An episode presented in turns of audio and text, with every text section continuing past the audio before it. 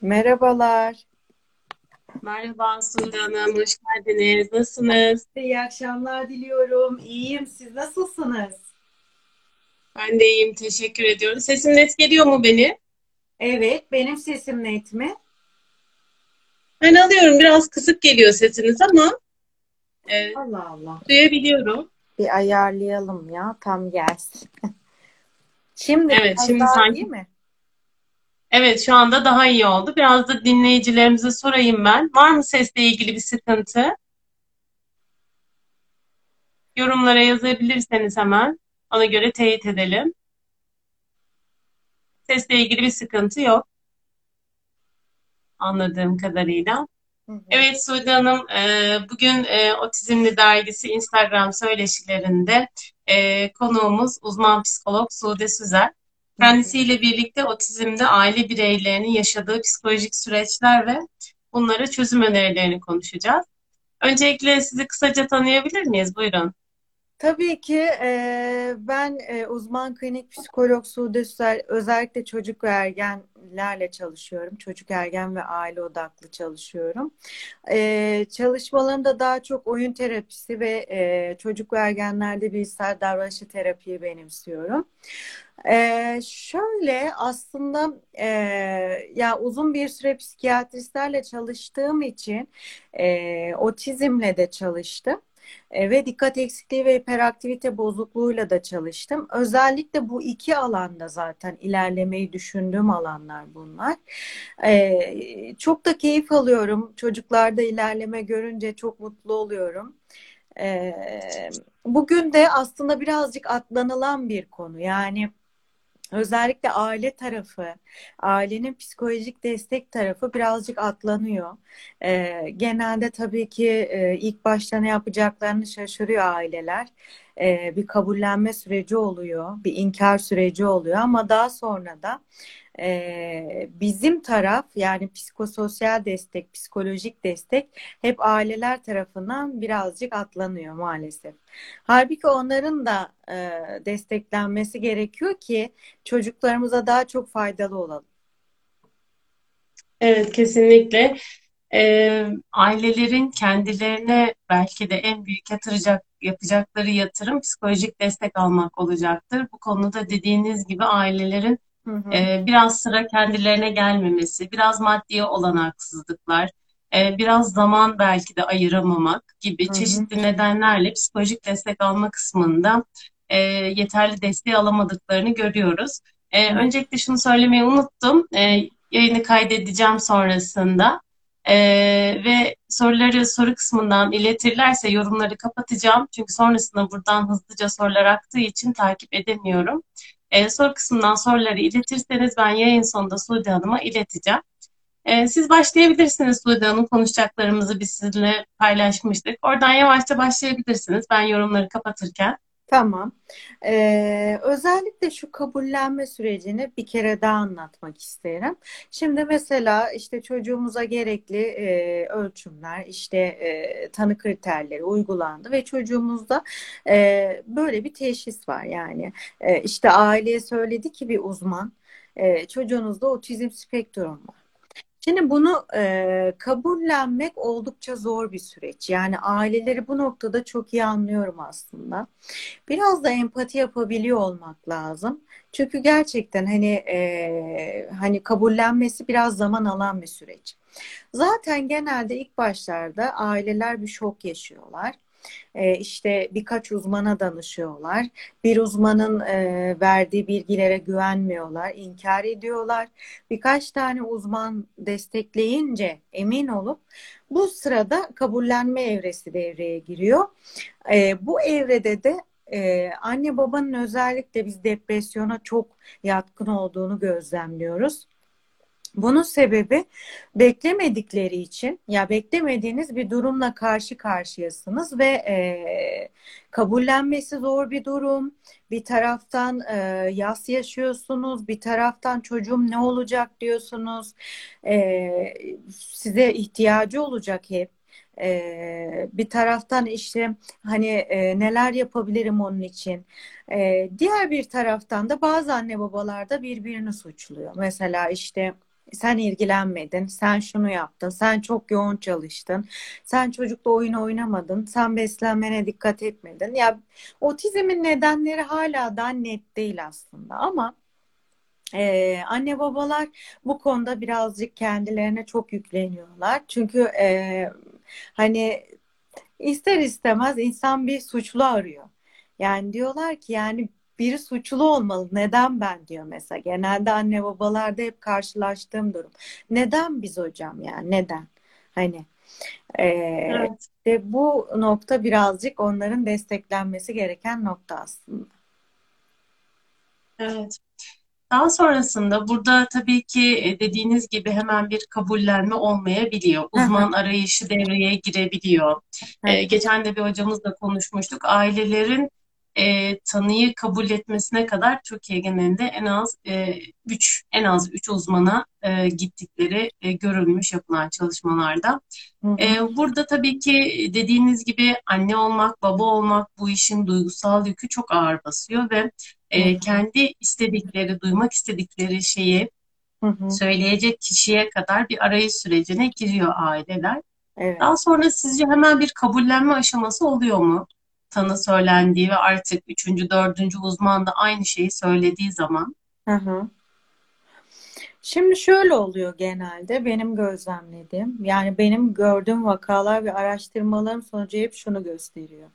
Ee, işte sizin de dediğiniz gibi bir iki tane uzman diyor ki böyle bir e, durum var, böyle bir durum söz konusu ve gerçekten anne babalar o kadar hani e, size ihtiyaçları olduğunu belli ediyorlar ki sizin ağzınızdan çıkacak bir kelime bile onlar için çok önemli. Ve ne yazık ki bazı meslektaş arkadaşlarım ya da hocalarımız birazcık acımasız e, söylüyorlar. Birazcık daha naif söylenmesi taraftarıyım ben. Çünkü empati yapmak lazım biraz da. E, farklı bir gelişim gösteriyor demek. Mesela direkt otizm spektrum bozukluğu işte hayatı boyunca e, size ihtiyaç duyacak vesaire vesaire kötü senaryolar değil de biz bu çocuğa neler katabiliriz? Sosyal becerileri nasıl edindirebiliriz? Ve en önemlisi de e, anne babayı nasıl destekleyebiliriz bu noktada? Bunları vermemiz gerekiyor. E, bazı ailelerde böyle çocukları inkar falan oluyor. Yani işte kabul etmek istemiyorlar ya da işte ilgilenmiyorlar. Kardeşi varsa mesela e, kardeşi normal bir gelişim gösteren bir çocuğumuzsa kardeşine yöneliyorlar mesela. Diyorlar ki o zaten hocam otizmli yani ona bir şey yapamayız falan.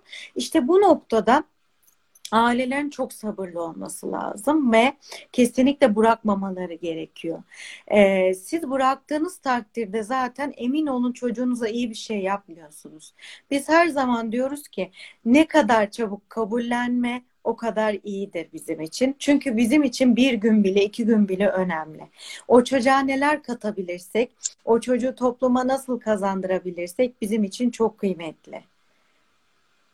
Evet. Ee, peki kabullenme aşamasında mı daha sık depresyon görülüyor yoksa aile kabullendikten sonra da ara ara çocuğunda yani bu benim kendi gözlemim açıkçası. Benim de bir otizmli kardeşim var. Hı hı. Kabullenme ve depresyon süreçlerinin ben gidip geldiğini düşünüyorum. Çünkü aile e, evet kabullenmiş gibi görünse de artık Aha. hani belki yıllar geçse bu tanılanma sonrasında e, tekrardan olumsuz bir olay yaşadığında, toplumda rencide edici bir davranışla karşılaştığında ya da çocuğunda işte bir eğitim sürecinde başaramadığı bir e, tıkanma yaşadığında tekrardan bu depresyon aşamasına dönebiliyor diye düşünüyorum. Burada sizin hı. görüşünüzü almak istedim. Şöyle aslında e, benim gözlemlediğim hayat boyu devam eden aileler var depresyonu. E, hayat bu hayat boyu kabul edemeyenler var. E, işte hayat boyu inkar edenler var mesela. Yani benim bir tane mesela gerçekten danışanımın ailesi e, çok sıkıntı yaşadığımız bir aileydi ve gerçekten kabullenmediler hala daha. Ee, bazı aileler ısrarla mesela kabullenmek istemiyorlar. Bu süreçte tabii ki e, depresyona sürükleniyor. Ee, mesela inkardan sonra işte kabullenme süreci biraz geciktiğinde insanlar genelde depresyon yaşarlar, depresif semptomlar yaşarlar. Bir de orada bir hayal kırıklığı yaşıyorsunuz.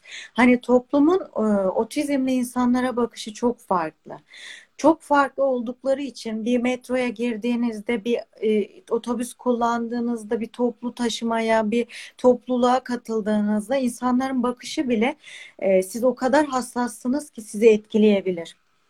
Bu noktada dönüşler de çok fazla oluyor. Ya biz ne kadar desteklesek de aileler mesela bu konuda bayağı bir sıkıntı yaşıyorlar. Ee, işte duygu durum çökkün duygu durum mesela çok gözlemliyoruz. İşte çocuk mesela bir öfke krizi geçiriyor. Ee, o kadar desteklemişiz aileyi bir bakıyoruz ki başa dönmüşüz. Çünkü e, tutunduğu bir dal var ve o dal kırılınca hemen başa dönüyor. Yani orada bir e, hak vermek de lazım aslında ama tabii ki orada bir hayal kırıklığı da var. Evet aslında hani sadece otizmli çocuğu olan bireyler için değil aslında hepimiz için hayatın belli dönemleri çok iyi giderken bir anda e, bir e, bizi tetikleyen yaşadığımız bir olumsuzluk da bu depresyon aşamalarına getirebiliyor insanları. Tabii. Aslında bunun normal olduğunu, bu süreçte bunların yaşanabileceğini söylersek yanlış bir şey söylemiş olmayız herhalde hocam, değil mi? Evet, Yani kesinlikle ara ara bir depresyon olabilir. Hı hı. Evet. Ee, kesinlikle normal bir durum. Ee, zaten ben e, anne babalara hak veriyorum sonuna kadar. Kolay bir e, durum değil. Ee, anlamakta da gerçekten hani olabildiğince destekliyoruz, anlamaya çalışıyoruz. Gerçekten çok hassas bir durum. Ve e, zaman zaman duygusal dalgalanmalar yaşanılması, depresyon yaşanılması oldukça normal olan bir durum. Evet. Ee, peki ailelerin e, bu süreçte yaşadığı zorluklar desem hocam, Hı hı. gördüğünüz vakalardan, deneyimlerinizden, aileler en çok psikolojik anlamda hangi zorlukları yaşıyorlar? Benim gözlemlediğim sosyal beceri konusunda. Şimdi e, mesela otizm demek eşittir. E, tabii ki birçok e, ölçütü var, birçok semptomu var, e, ayrıca özellikleri var ama en önemli özellik nedir? Sosyal beceri, sosyal iletişim problemidir otizmde. Dolayısıyla bizim çocuklarımızın geneli bir sosyal iletişim konusunda bir problem yaşıyor ve bu noktada da toplum bunları kabullenmiyor. Okula gidiyorlar, öğretmen desteklemiyor. Öğretmen desteklese arkadaşlar empati kuramıyor. Çok normal. Küçük yaş grubuysa anlamıyorlar, dalga geçiyorlar mesela.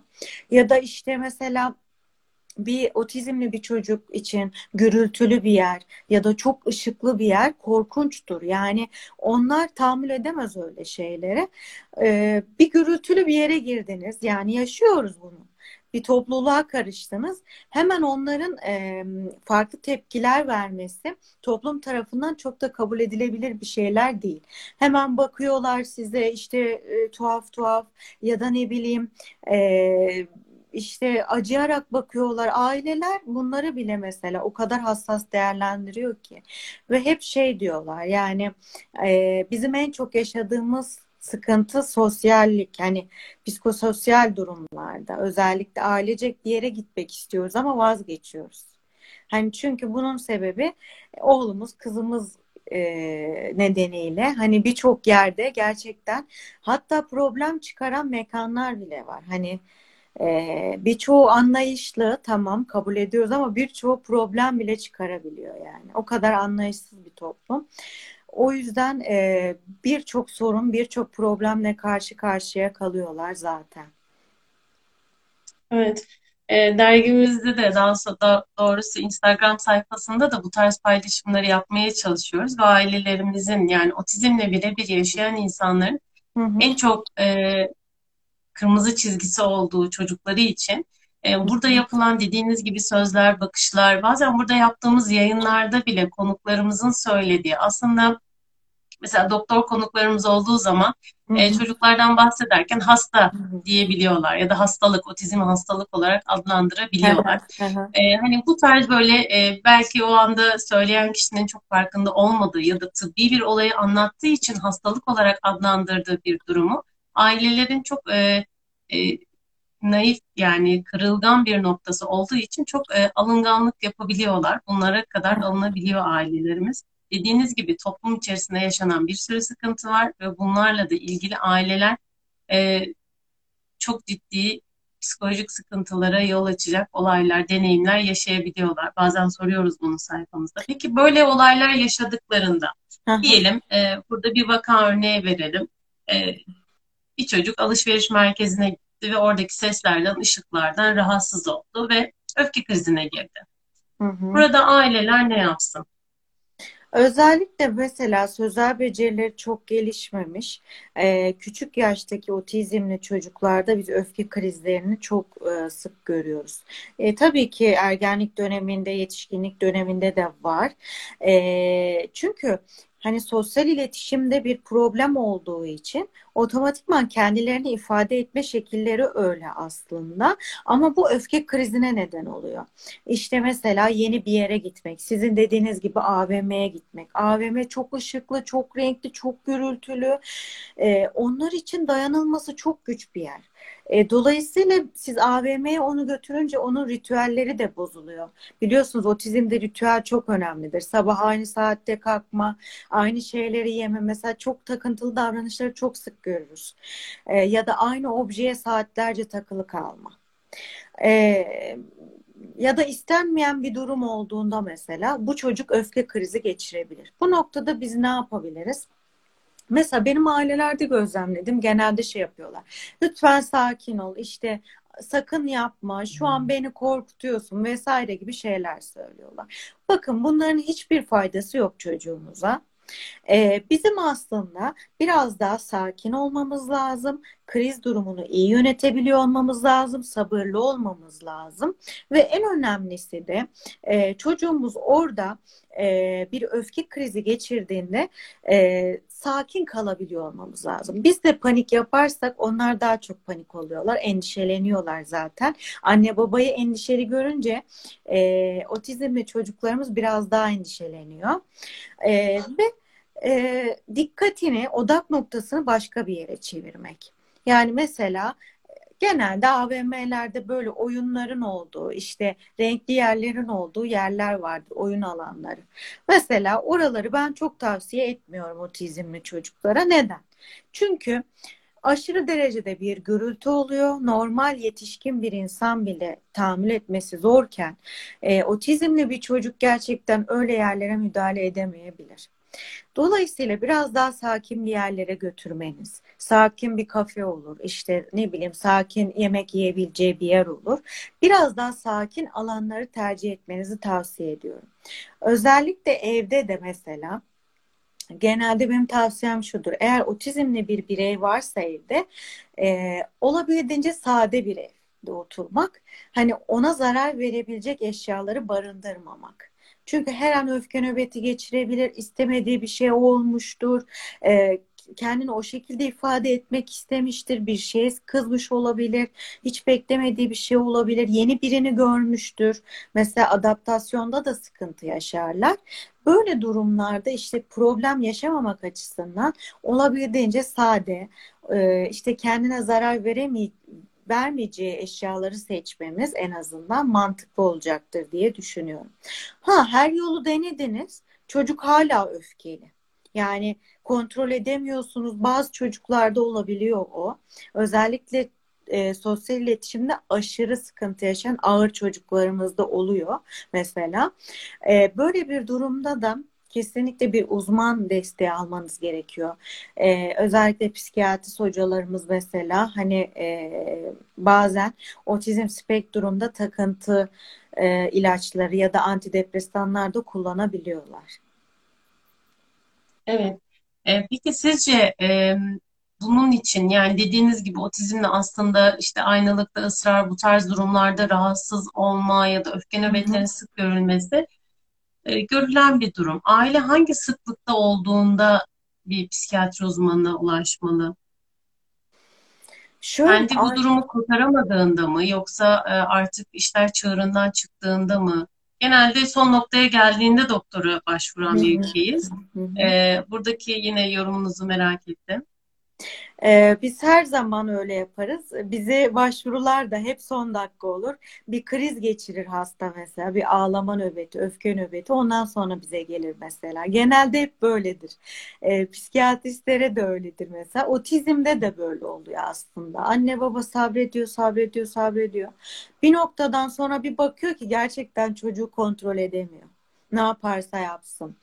Ee, özellikle aslında aşırı öfkeli çocuklarda biz şeyi tavsiye ediyoruz. Eğer kendine zarar vermeyeceği bir eşya e, yoksa oda içerisinde tekse birazcık sakinleşmesini beklemek.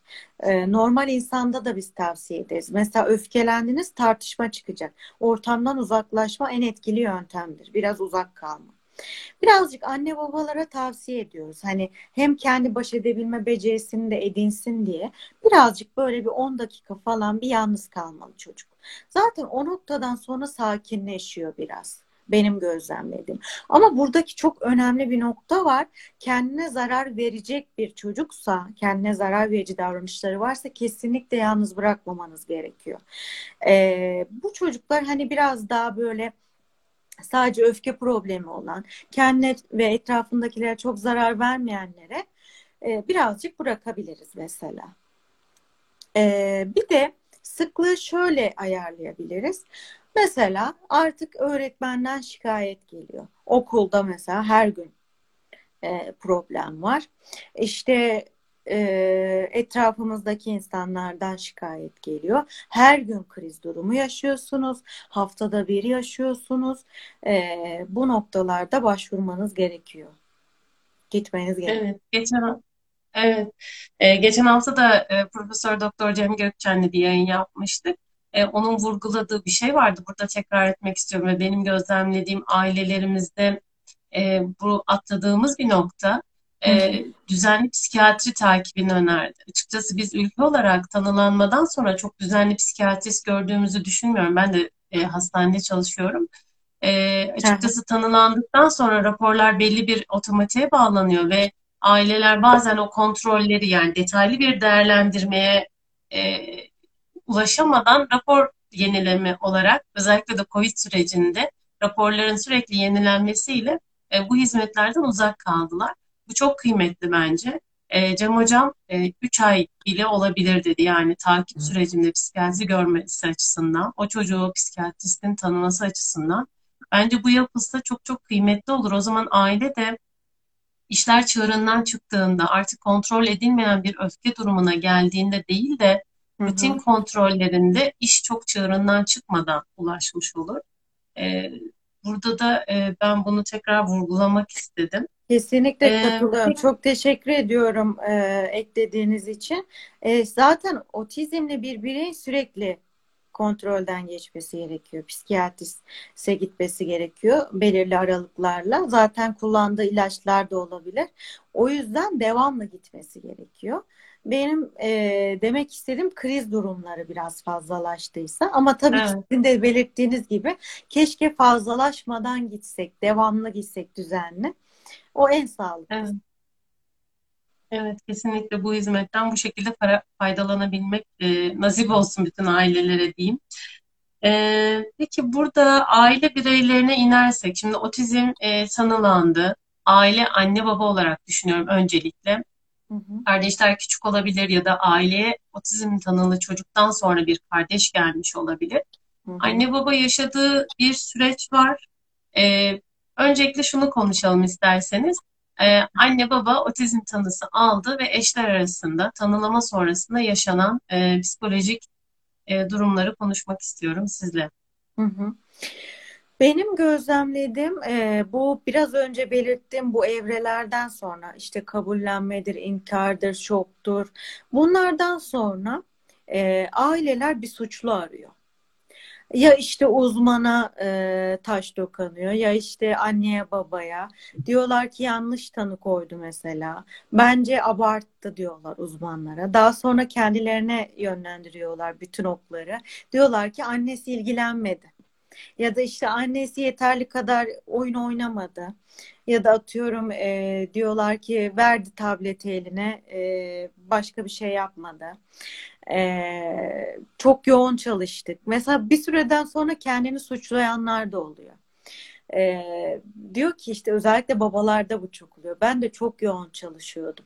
Ya ben de çok yoğun çalışıyorum. Çocuğumla ilgilenemedim. O noktada haklısınız. Yani mesela bir fark ediş de var orada. Ee, böyle ilgisizlik, birbirinden soğuma, birbirini suçlama oldukça fazla gördüğümüz durumlar arasında. Özellikle anne babalar biraz önce de belirttiğim gibi depresyonun da verdiği etkiyle kendilerinden vazgeçiyorlar. Ee, salıyor mesela kendini kadın ya da adam. Hani artık hayattan bir beklentisi yok. Evladı işte otizmli falan diye. Halbuki dünyanın sonu değil yani. Ee, ama e, biz anne babalara bunu anlatamıyoruz mesela. Birbiriyle e, bağlantıları kopuyor genelde. İşte e, ne bileyim eskisi gibi sevmediklerini şey olarak ya eskisi gibi birbirleriyle ilgilenmedikleri biz genel olarak gözlemliyoruz. Boşanma süreci de oluyor bazen.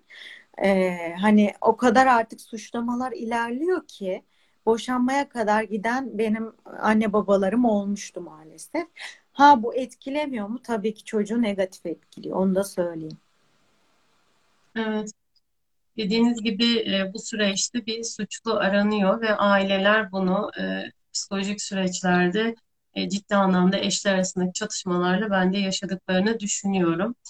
E, tek ebeveynlik kalan çok e, çocuk var otizm açısından düşündüğümüzde. E, belli bir süreden sonra eşlerden bir tanesi, genelde de anneler çocuklarıyla baş başa kalıyor diye Evet, düşünüyorum. Bir evet. tanesi e, olaydan hani kaçarak uzaklaşmayı tercih ediyor ve sorumluluklarından bu şekilde e, kurtulmayı düşünüyor. Ya E, suçlamak orada e, bizi rahatlattığı için bir suçlu arıyoruz. Yani orada atıyorum evet, annenin suçlu çıkması babayı rahatlatıyor. Ya işte o da ilgilenmedi çocukla ondan oldu. Sanki senin hiçbir hani e, etkin olmadı yani. Hani e, toplum olarak böyle düşünen bir milletiz. Yani suçlu arıyoruz. Her defasında bir suçlu. E, dolayısıyla da hani suç birini suçlamak rahatlatıyor bazı insanları. evet bir savunma mekanizması bence o da suçlu bulmak.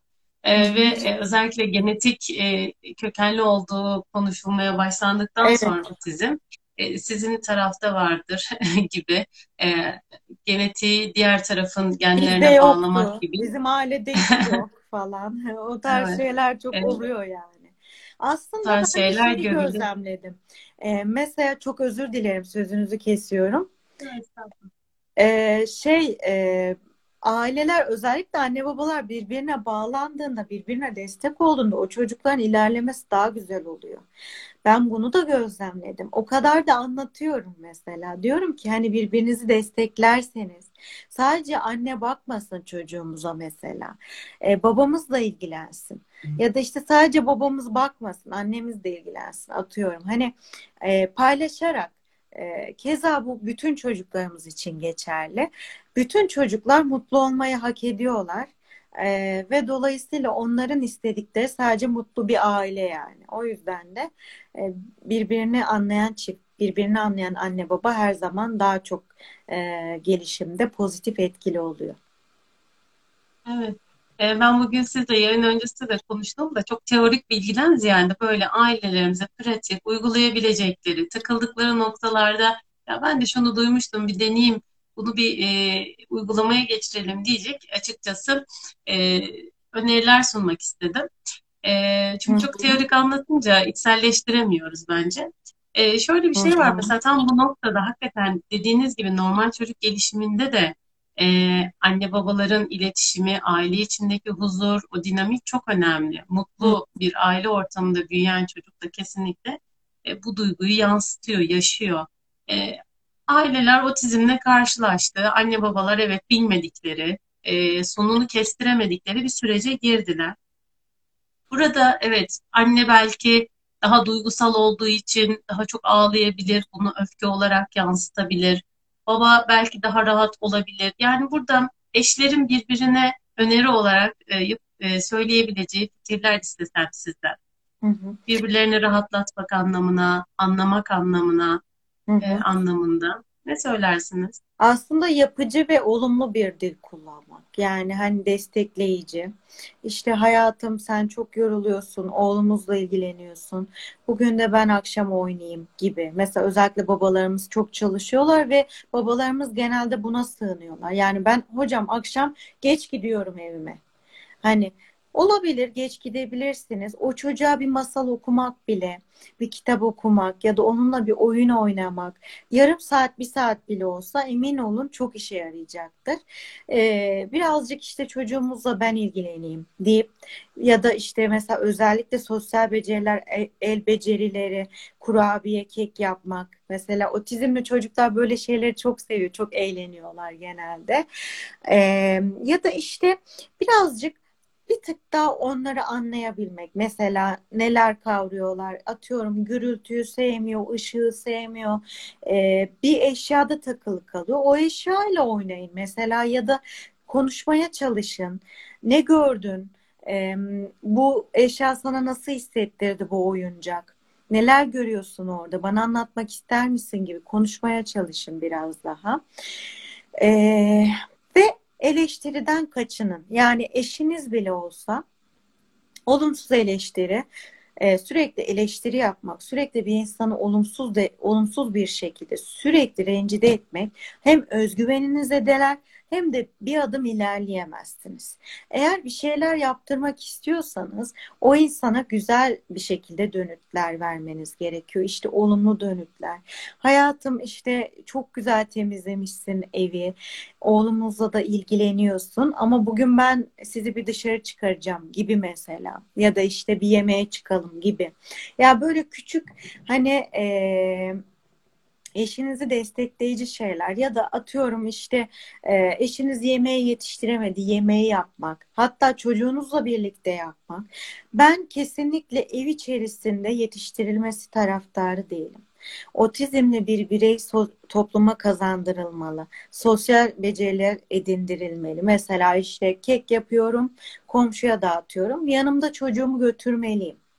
Hani mesela e, eğer hani çok böyle e, kriz durumu yaşamayan bir çocuğumsa iletişimi bir tık daha iyiyse götürebilirim. Mesela atıyorum e, kurabiyeden komşuma ikram edeceğim. Çocuğumu da yanımda götürebilirim. Tanışmayı sağlayabilirim mesela. Bu tarz şeylerde sosyal beceriler öğreniliyor böyle uygulamalı bir şekilde gösterince otizmliler daha çok kavruyor. Mesela bir arkadaşını gördün, hadi tanış bakalım deyince ee, onlar hani biraz da böyle onları birey hissettiriyor. O açıdan destekleyici olmak çok önemli. Evet. Ee, bir de şöyle bir şey bununla ilgili bir fikrinizi belirtmenizi isteyeceğim. Mesela genelde normal ilişkilerde de böyle. Hı Anne bir sıkıntısını anlatacaktır. O gün özel eğitime anne götürmüştür ya da işte parka çıkarmıştır. Herhangi bir olumsuz, rencide edici bir durum yaşamıştır. hı. E, hı. bunu akşam e, eşine anlatır. Aslında orada e, sadece anlatıyordur, yaşadığı Hı duyguları hı. ifade etmeye çalışıyordur. Eşi bu anlattıklarını dinlerken nasıl bir tavır içinde olmalı? Ne olursa olsun mesela konumuz otizm bile olmasa bir kere karşımızdakini dinlediğimizi e, karşımızdakine hissettirmemiz lazım. Etkin dinleme. İşte göz teması kurma, e, dönütler verme. Gerçekten mi? Baya zor bir gün geçirmişsin. Seni çok iyi anlıyorum falan gibi. Ya da işte çok yorucu bir gün olmuş. Biraz dinlenmelisin. Ben sana bir çay yapayım gibi. Hani e, karşımızdaki insan ya sonuçta bir insan, bir birey ve e, anladığımızı, dinlediğimizi kanıtlamamız ve hissettirmemiz gerekiyor. Ve ben şuna çok inanıyorum. Hani iletişimde şöyle bir şey var. Beden dili mi dersiniz artık ne derseniz deyin. Kesinlikle karşı taraf e, bizim dinleyip dinlemediğimizi bence anlıyor, hissediyor. Çünkü yani belli ediyoruz. İşte yani o insan bana çocuğundan bahsediyor. Okula götürmüş atıyorum. Sizin verdiğiniz örnekten yola çıkarak. Ama ben işte televizyon izliyorum. Yok işte kanal değiştiriyorum. O bana oradan bir şeyler anlatıyor. Ben bilgisayarımla uğraşıyorum. Telefonumla uğraşıyorum. Mesela anne babalarımız genelde bana şunu söylüyorlar. E hocam biz çocukla ilgileniyoruz akşamları. Ama e, altında yatan e, aslında çocuklarla ilgilenmiyorlar da telefonlarıyla ilgileniyor e, anne babalarımız. Yani hani olabildiğince o karşımızdaki insana odaklanmak, herhangi bir teknolojik aletten ziyade e, o insanı anladığımızı belli etmek ve ilgilenmek. Yani neler yapabiliriz? Mesela oğlumuz için, kızımız için bize dönütlerde bulunuyor e, annemiz diyelim. Babamız hemen e, konuya girmeli. Neler yapabiliriz? Ne yapalım? Nasıl bir yol izleyelim? Gerekirse ben de geleyim mesela. Hani gerekirse ben de konuşayım rehberlik e, bölümüyle ya da işte öğretmenimizle vesaire gibi bilgilendirmeler yapılmalı. Ya da Aslında işte e, buyurun. Görüyorum ki görüyorum ki e, çocuğumuzu özel eğitime götürme süreci seni biraz zorluyor. E, hı. burada acaba izin alıp e, bu görevi ben mi üstlensem? Ha, Ya ya da işte olabilir. e, Evet. Evet ya da görüyorum ki e, bu tarz olumsuz duygular yaşatmak seni üzüyor. Üzüntülerin e, normal, hissettiklerin doğal. Yani aslında birçok noktada dediğiniz gibi sadece otizm açısından değil. Her zaman Hı e, hı. amacımız anlaşılmak, duygularımızı rahatça ifade edebilmek. Karşı tarafımız, e, karşımızdaki kişi tarafından e, bunları rahatça ifade etmek ve dediğiniz gibi göz teması kurarak, Hı dinlediğini hı. hissettirerek, o Hı anda hı. orada bizimle beraber olarak bunları yaşatmasını sağlamak. Ee, buna çok inanıyorum. Yani mutlu anne, mutlu baba, kesinlikle mutlu bir Mutlu aile, çocuk. mutlu bir Evet. çocuk. Evet, Evet. yani bu bir evet aileden oluşan bir yani ailenin e, toplumun en küçük yapı taşı ailedir diye bir tanım var, değil mi? Evet. Yani aileleri mutlu kılarsak biz toplumu da aslında mutlu kılmış olacağız. Çok önemli bir e, nokta burası. E, bununla ilgili konuştuklarımız e, yeterli diye düşünüyorum. Var mı hocam ekleyeceğiniz sizin bir şey? Yok. Genel olarak yanıtladık sanıyorum. Zaten sorularda Evet, mutlaka vardır. İsterseniz bir onlara evet. bakabiliriz. Onu en son alacağım. Kardeşlerle ilgili kısmı da biraz değinelim. Ondan sonra da sorularımıza Aa evet bakabiliriz. kardeşi unuttum. Özür Evet, diliyorum. şimdi oraya gelecektim. Evet, orası da çok önemli bir nokta. kesinlikle Bu otizmli çocuğumuz ikinci çocuk olarak Yok önemli değil. Bakıyorum ben notlarıma. E, otizmli çocuk ikinci çocuk olarak gelmiş olabilir aileye. Bizdeki durum gibi. Ama ben çok büyük olduğum için bizdeki kardeşi ilişkisi biraz farklıydı. E. ya da otizmli çocuk sonrası aile kardeş düşünmüş ve aileye bir çocuk daha dahil etmiş olabilir. E, burada zaten kardeş eve bir kardeş gelmesi e, başlı başına desteklenmesi gereken bir süreç diye düşünüyorum. Hı hı. Hatta hamilelik döneminde desteklenmeli bu süreç diye düşünüyorum. Ben de çocuk gelişim uzmanıyım bu arada. Hı hı. Ee, sizin fikirlerinizi burada alalım. Buyurun. Şöyle, e, benim gözlemlediğim aslında çok büyükler değil de genelde hep küçük kardeşler bana denk geldi. Hani otizmli bir birey sonradan bir kardeş yapılmış. O otizmli diye. E, genelde temel mantık bu oluyor maalesef. E, ama benim gözlemlediğim maalesef e, ailemize yeni katılan bireyde de otistik davranışlar saptıyoruz bazen otizmli bir birey gibi e, sosyal anlamda işte e, ne bileyim psikolojik anlamda davranışsal anlamda bazen dalgalanmalar görüyoruz. Özellikle küçük çocuklarda. E, biz şunu tavsiye ediyoruz aslında. Şimdi bizim otizmli çocuğumuz farklı bir gelişim gösteriyor. E, olaylara farklı tepkiler de verebilir. E, bir süreden sonra kardeşimiz bunu normal tepki olarak algılıyor ve hayatına geçirmeye başlıyor. Normal gelişim gösteren bir çocuk olsa bile tepkileri değişik oluyor, farklılaşıyor davranışsal olarak ve e, psikolojik anlamda da bayağı bir etkisi oluyor. Ee, mesela özellikle kardeşler şey oluyor mesela ilk başlarda otizmli bireylerin davranışları karşısında beklenmedik bir böyle bir şaşırma. Ya abi ne yapıyorsun? Ya da işte abla ne yapıyorsun falan gibi utanma belirtileri oluyor aynı okuldalarsa.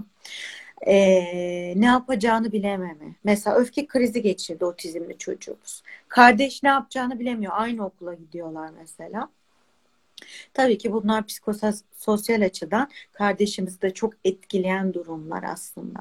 Biz şeyi tavsiye ediyoruz. Ya tabii ki e, bunu aileler sakın yanlış anlamasınlar. Bir evlat ayrımı söz konusu değil. Ama farklı okullara gitmelerini tavsiye ediyoruz biz. Bunun nedeni de şudur. E, ister istemez farklı alanlarda olmaları gerekir birbirlerinden etkilenmesinler diye. Özellikle küçük yaştakiler. E, mesela aynı anaokulu ya da aynı ilk öğretim olmamalı. Farklı olmalı ki e, ne bileyim işte abisinin davranışlarından etkilenmesin çocuğumuz.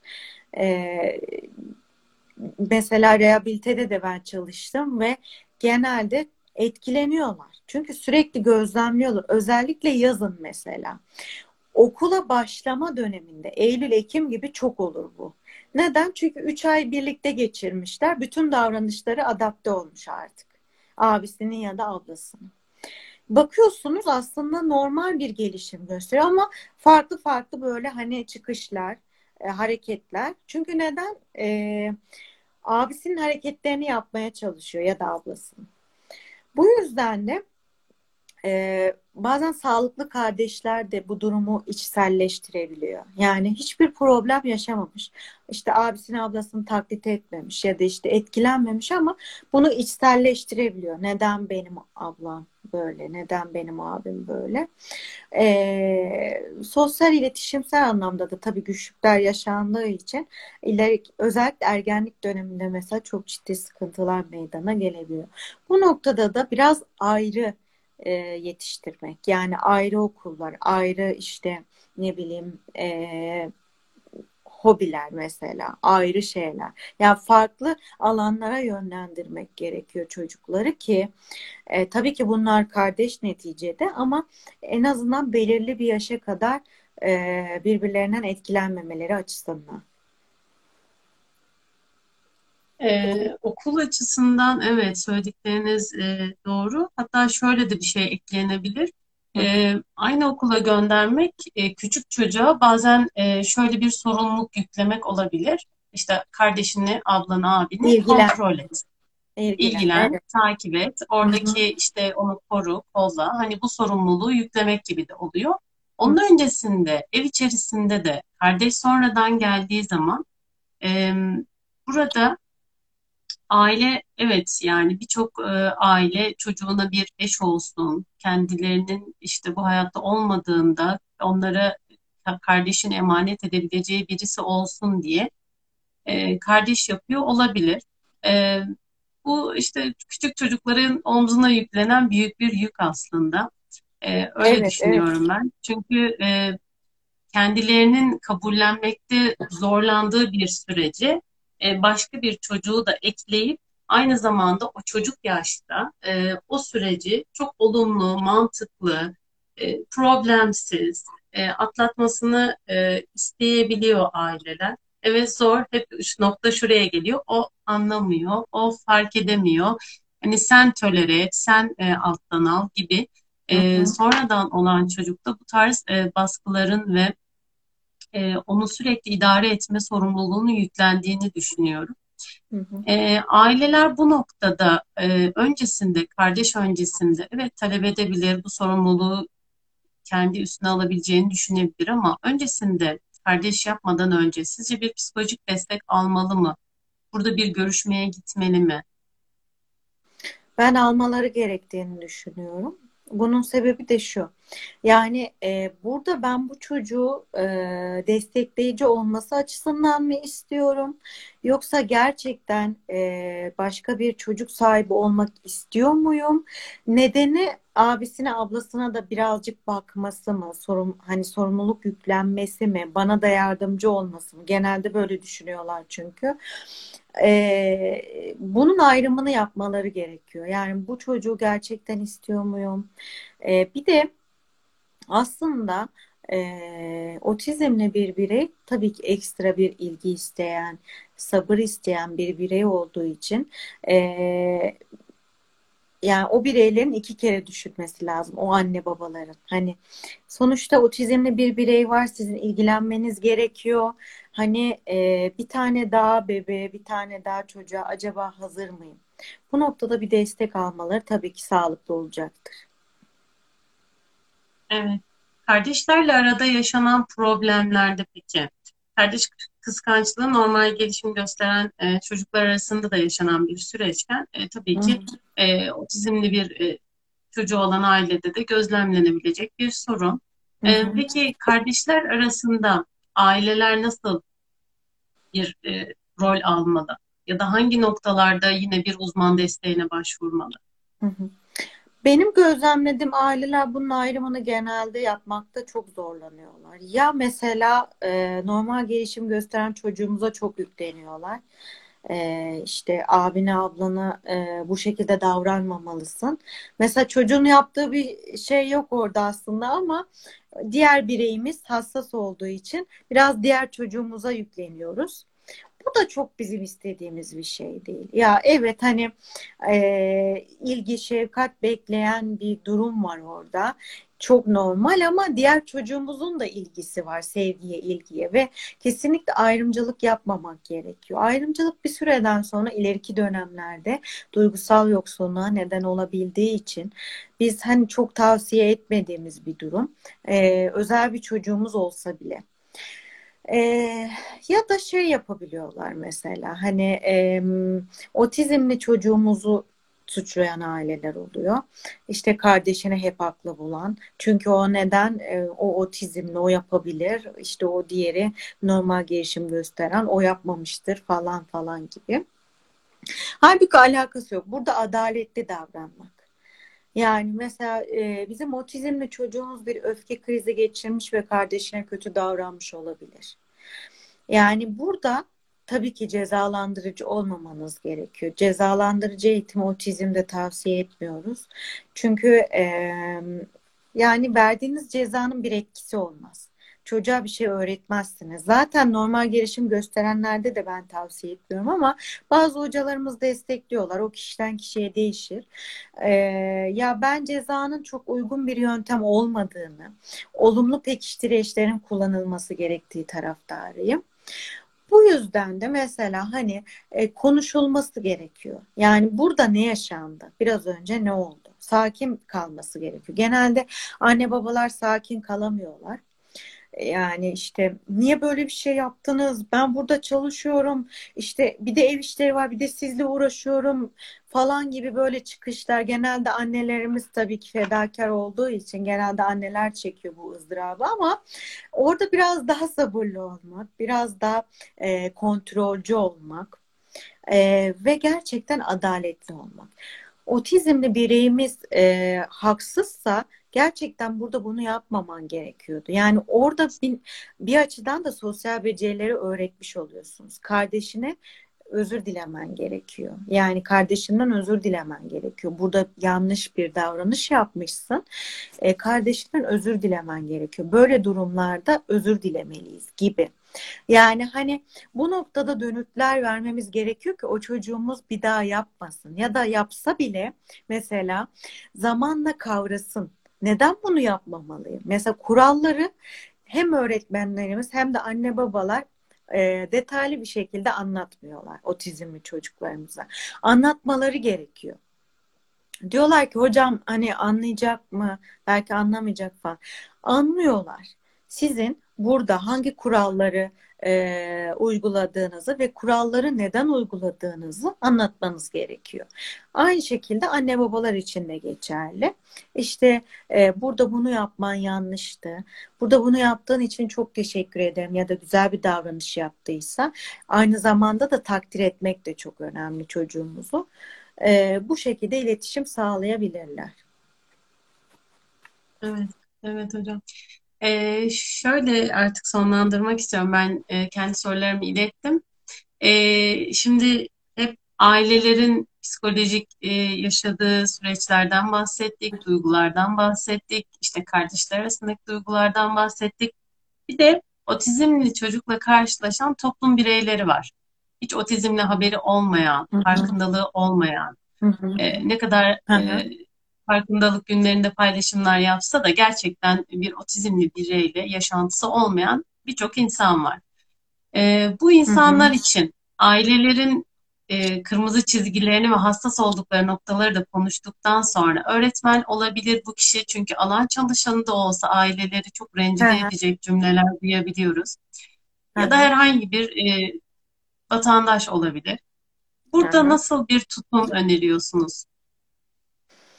Ee, aslında şey yani e, ben mesela özellikle anne babaya ve öğretmene öğretmenler mesela kliniklere çok gelemeseler de bir şekilde iletişim sağlıyorum. Bir psiko eğitim verilmesi taraftarıyım.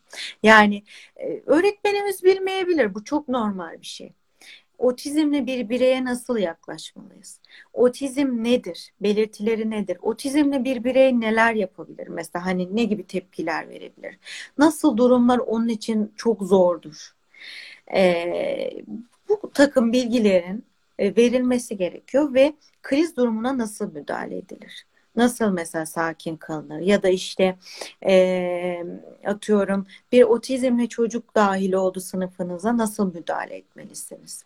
Mesela özellikle ben öğretmenlere şunu tavsiye ediyorum. E, açık ve anlaşılır bir dil kullanmak. Mesela zaten e, sözel yetenekleri çok gelişmemiş çocuklarımız da bunu kavrayamaz. Özellikle küçük çocuklar.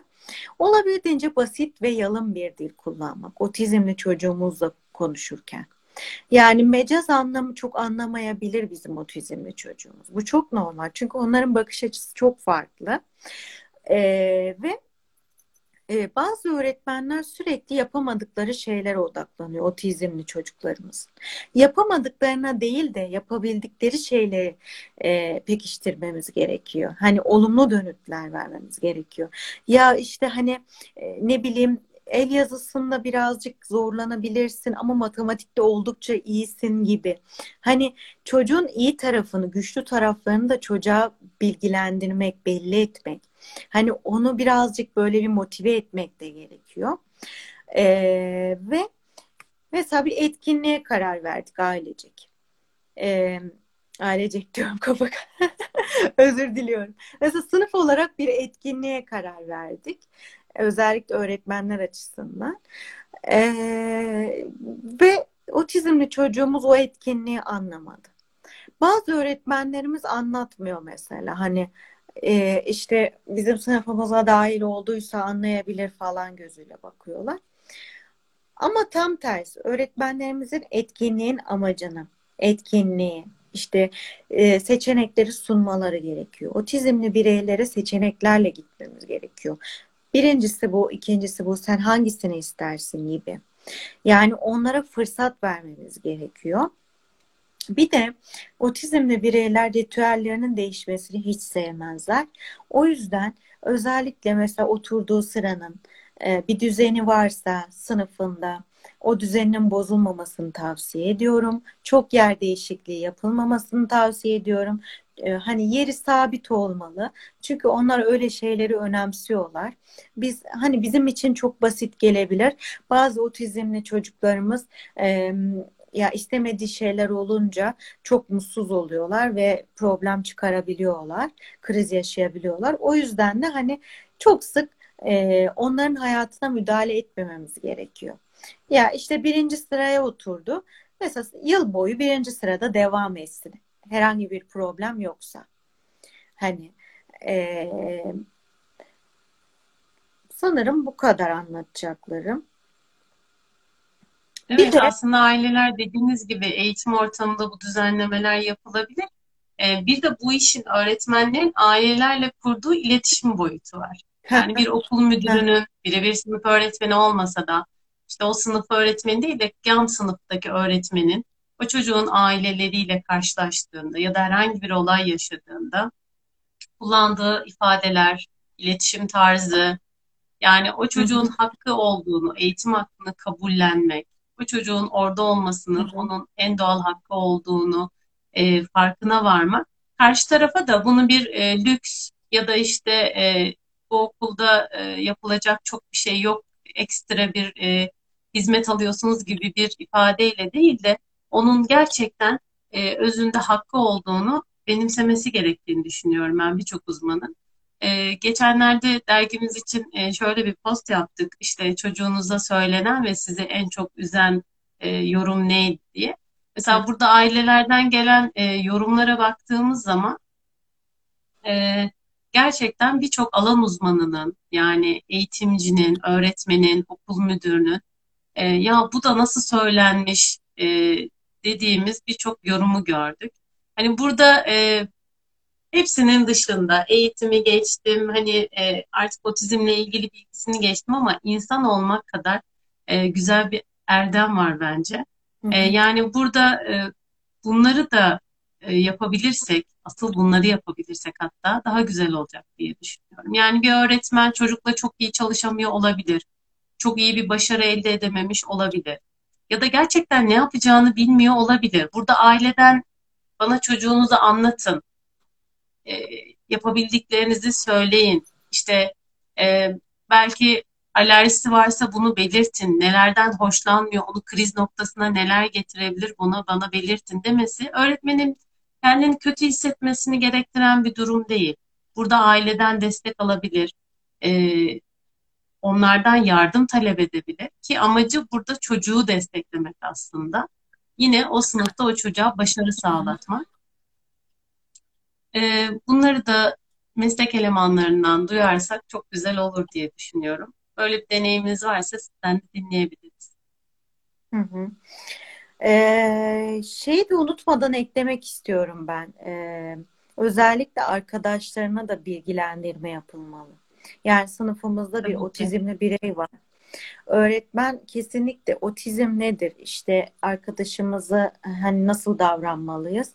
Ee, ne bileyim bir akran zorbalığına uğramaması açısından bir bilgilendirilme yapılmalı ve kesinlikle arkadaşlarıyla iletişim, etkileşim içerisinde olması sağlanmalı çocuğun. Yani hani bizim otizmli bir bireyimiz var. İşte onu soyutlayalım, e, derslere girsin, çıksın. Bu değil amacımız. Orada amacımız sosyalleşmesi, topluma kazandırmak. O yüzden e, bizim en çok önemsediğimiz nokta arkadaş ilişkileri olmalı. Arkadaş ilişkileri, bizimle ilişkiler ve olabildiğince yapıcı ve yumuşak bir dil kullanmak. Yani hani e, bazen öğretmenlerimizi de anlıyoruz, çok yoruluyorlar, çok yıpranıyorlar vesaire vesaire ama gerçekten e, yeteri kadar hassas olmadıklarını ben de görüyorum e, incitici kelimeler kullandıklarını. E, tabii ki bu noktada çok hassas olan öğretmenlerimiz de var. Bir genelleme yapmak doğru değil ama e, bazı öğretmenlerimiz hani sinirle mi oluyor, öfkeyle mi oluyor bilmiyorum ama çocuklarımıza sözel, fiziksel şiddet uygulayabiliyorlar. Gerçekten bunların e, dönülmesi zor zararları oluyor psikolojik olarak. Ee, bizim bu çocuklara daha naif bir şekilde davranmamız gerekiyor ki e, bize bağlansınlar, bize adapte olsunlar. Yani e, biraz daha hassas olmamız gerekiyor. Biraz daha tahammüllü olmamız gerekiyor aslında. E, bunlar için de mesela e, nefes egzersizleri, işte ne bileyim ailelere de ben tavsiye ediyorum. Nefes egzersizleri ya da işte spor ve egzer- egzersiz yapmak, rahatlamak ya da bir hobi edinmek. Mesela anne var 7-24 çocuğun gözüne bakıyor. Çocukla ilgileniyor. Tabii ki bu bizim istediğimiz bir şey ama biraz kendinize de zaman ayırmalısınız. Öğretmenlerin de bunu vermesi lazım. Yani hobi edindirmek mesela. Ee, ya da işte başka şeylere farklı bakış açıları kazandırmak. Ee, işte öz bakım becerileri. Mesela benim en önemsediğim nokta öz bakım becerileri ve sosyal becerilerdir otizmde. Çünkü bu ikisi hayat kurtarır. Ee, bunlar oldukça önemlidir. Biraz daha üzerine gitmemiz gerekiyor diye düşünüyorum. Evet. Bazen de e, bir bence ön yargı e. direkt iletişimi kesiyor. E, ikincisi de bilgi eksikliği Evet, kaygıyı doğ- doğuruyor. Kaygı da bence öfke gibi, işte ağızdan kötü sözlerin çıkması gibi istenmedik durumlara yol açıyor diye düşünüyorum. kesinlikle. E, ben sorularımı ilettim Sude Hanım. E, şöyle ailelerden gelen sorulara da bakayım. Sizi de çok yormayalım. Hı hı. Estağfurullah ben yorulmuyorum. Ben mutlu oluyorum anlattıkça. Evet. Ee, ben de bugün sizle aktif sohbet ettim. Bazen bu kadar katılmıyorum. Ee, hafif otizm tanısı almış bir çocukları varmış ailemizin. İki ay önce olmuş bu olay ama şu anda kabullenemediklerini söylemiş. Kabullenemiyoruz demiş aile. Hı hı. Ama daha çok Burada çok normal. evet, Evet, evet, çok normal yaşadıklarımız biraz önce de anlattığımız gibi eee, zamanla oturacaktır. Eğer tabii ki eee, olmuyorsa bir şeyler yolunda gitmiyorsa da eee, benimle iletişime geçebilirsiniz. Ben destek verme taraftarıyım. Eee, yani ya da başka bir uzmanla da geçebilirsiniz. İlla benimle geçmenize gerek yok. Ama e, içerisinde bulunduğunuz durum artık size zor geliyorsa e, bir destek alabilirsiniz. Ama iki ay, üç ay çok yeni bir süre. Yani bir de e, yani olayın bir şoku var, bir kabullenme zamanı var. E, birkaç ay sonra yine bir değişiklik olmazsa lütfen bir destek alın. evet. Bunu da aslında belirtelim. Aileler şimdi yaşadıkları e, duygulardan, psikolojik süreçlerden bahsettik. Hı hı. E, psikolojik destek kısmında hangi aşamalarda size başvurmalılar? Bence bununla e, tamamlayabiliriz yayınımızı. Çünkü buna benzer sorular gelmiş. Hı hı. E, bunu da sizden dinlersek güzel olur bence. Aslında şöyle. Ya her aşamada bizden destek alabilirler. Mesela yeni öğrendiklerinde, inkar sürecinde, kabullenme evresi, şok evresi her aşamada. Ya bu aslında birazcık e, yaz süreci gibidir. Bir sevdiğimizin kaybından sonra yaz yaşarız biz. E, çok ciddi bir hayal kırıklığıdır. Bu beklemediğimiz bir şeydir. Bu da öyle bir şey, benzeri bir şey. Bir hayal kırıklığı var orada ve bunun çalışılması gerekiyor. Ben mesela ailelere diyorum ki illa bir uzmana gitmeniz de şart değil. İlk başlar için konuşuyorum. Güvendiğiniz birine de anlatın. İçinizde büyütmeyin. Yaşadıklarınızı, deneyimlerinizi ya da işte ne bileyim zorlandığınız kısımları birine anlatın. Rahatlayın. Yani çünkü anlatmak rahatlatıyor gerçekten. Ama tabii ki sizi çok eleştirmeyen, çok yargılamayan biri olmasına özen gösterin ki e, daha çok e, sizi depresyona, daha çok kötü duygu durumuna sürüklemesin. Tabii ki biz şey taraftarız yani bir profesyonel destek alma.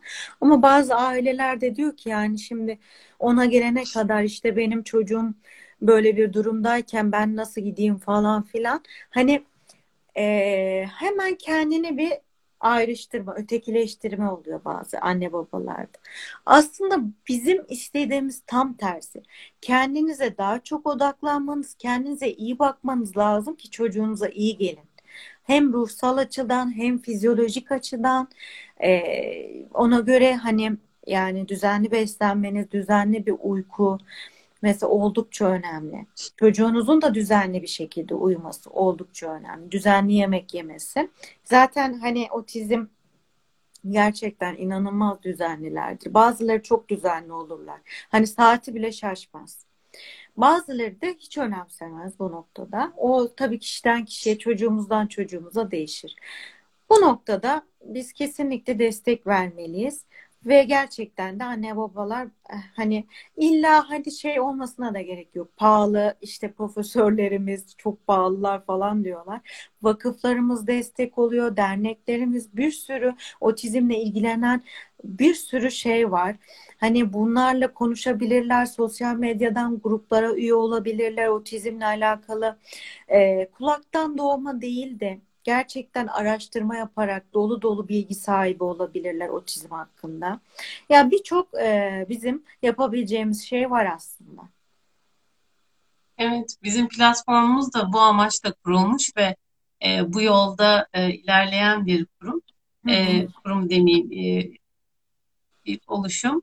E, gerçekten çünkü ailelerin e, bilgi, doğru bilgi ama işin uzmanları tarafından doğru bilgiye ulaşma, e, bu bilgileri çocuklarıyla vaka üzerinden ya da hocalarımızın anlattığı deneyimler üzerinden uygulama imkanı bulmaları, işte psikolog sizler gibi e, kişilerle buluşarak bunları, bu süreçlerin normal olduğunu, herkesin yaşadığını, ya da ileride yaşayabilecekleri sorunları görmek ve bu noktada neredeyim, ne yapabilirim, işte ben e, kime ulaşabilirim bu konuda aslında farkındalık oluşturmak.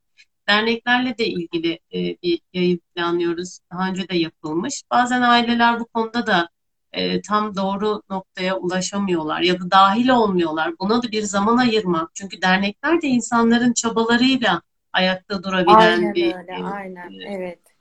noktada. O yüzden de e, ailelere de bunları bildirmek e, görev atlettik açıkçası.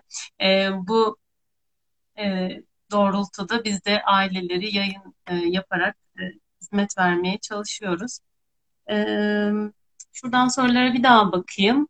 Bir şey söyleyecektim, şu an unuttum. Genelde çocuklarının belirtilerini falan yazmış aileler. Hı hı. E, tabii ki şu anda özellikle de yeni otizmle tanışan insanlarda e, ilerideki süreci görmedikleri için, geleceğe dair bir fikir yürütemedikleri için e, burada nasıl bir psikolojik süreç iler işliyor? Direkt kaygı mı oluşuyor? Geleceği bilememek, o netliği görememekle ilgili. Belirsizliğe tahammülsüzlük aslında. Yani bir belirsizlik var. Yani mesela genelde şey diyorlar hani otizmle bir bireye sahip anne babalarımız ya ben ondan önce ölürsem ne olacak? Hani hep şey var yani e, bir belirsizlik ne yapacağız biz nasıl bir yol upuzun bir yol bizi bekliyor E, yolda birazcık inişler çıkışlar var E, bunların altından kalkabilecek miyiz? E, gerçekten çok ciddi bir sabır gerektiren zaten bir durum sabır emek gerektiren e, bir diğer taraftan merhamet vicdan gerektiren bir e, süreç. O yüzden de tabii ki e, bunları yaşamaları çok olan bir durum.